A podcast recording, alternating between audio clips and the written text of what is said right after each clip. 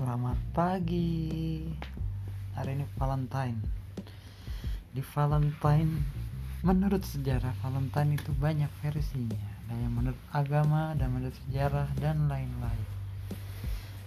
Di podcast ini, gue cerita tentang keresahan hidup, bagaimana menjalani hidup gue, bagaimana membahas sesuatu yang mungkin berat, mungkin ringan, punya beban. Membahas kenapa botol teh gelas bentuknya seperti itu, kenapa lampu bisa menyala dan lainnya. BTW, welcome to the podcast.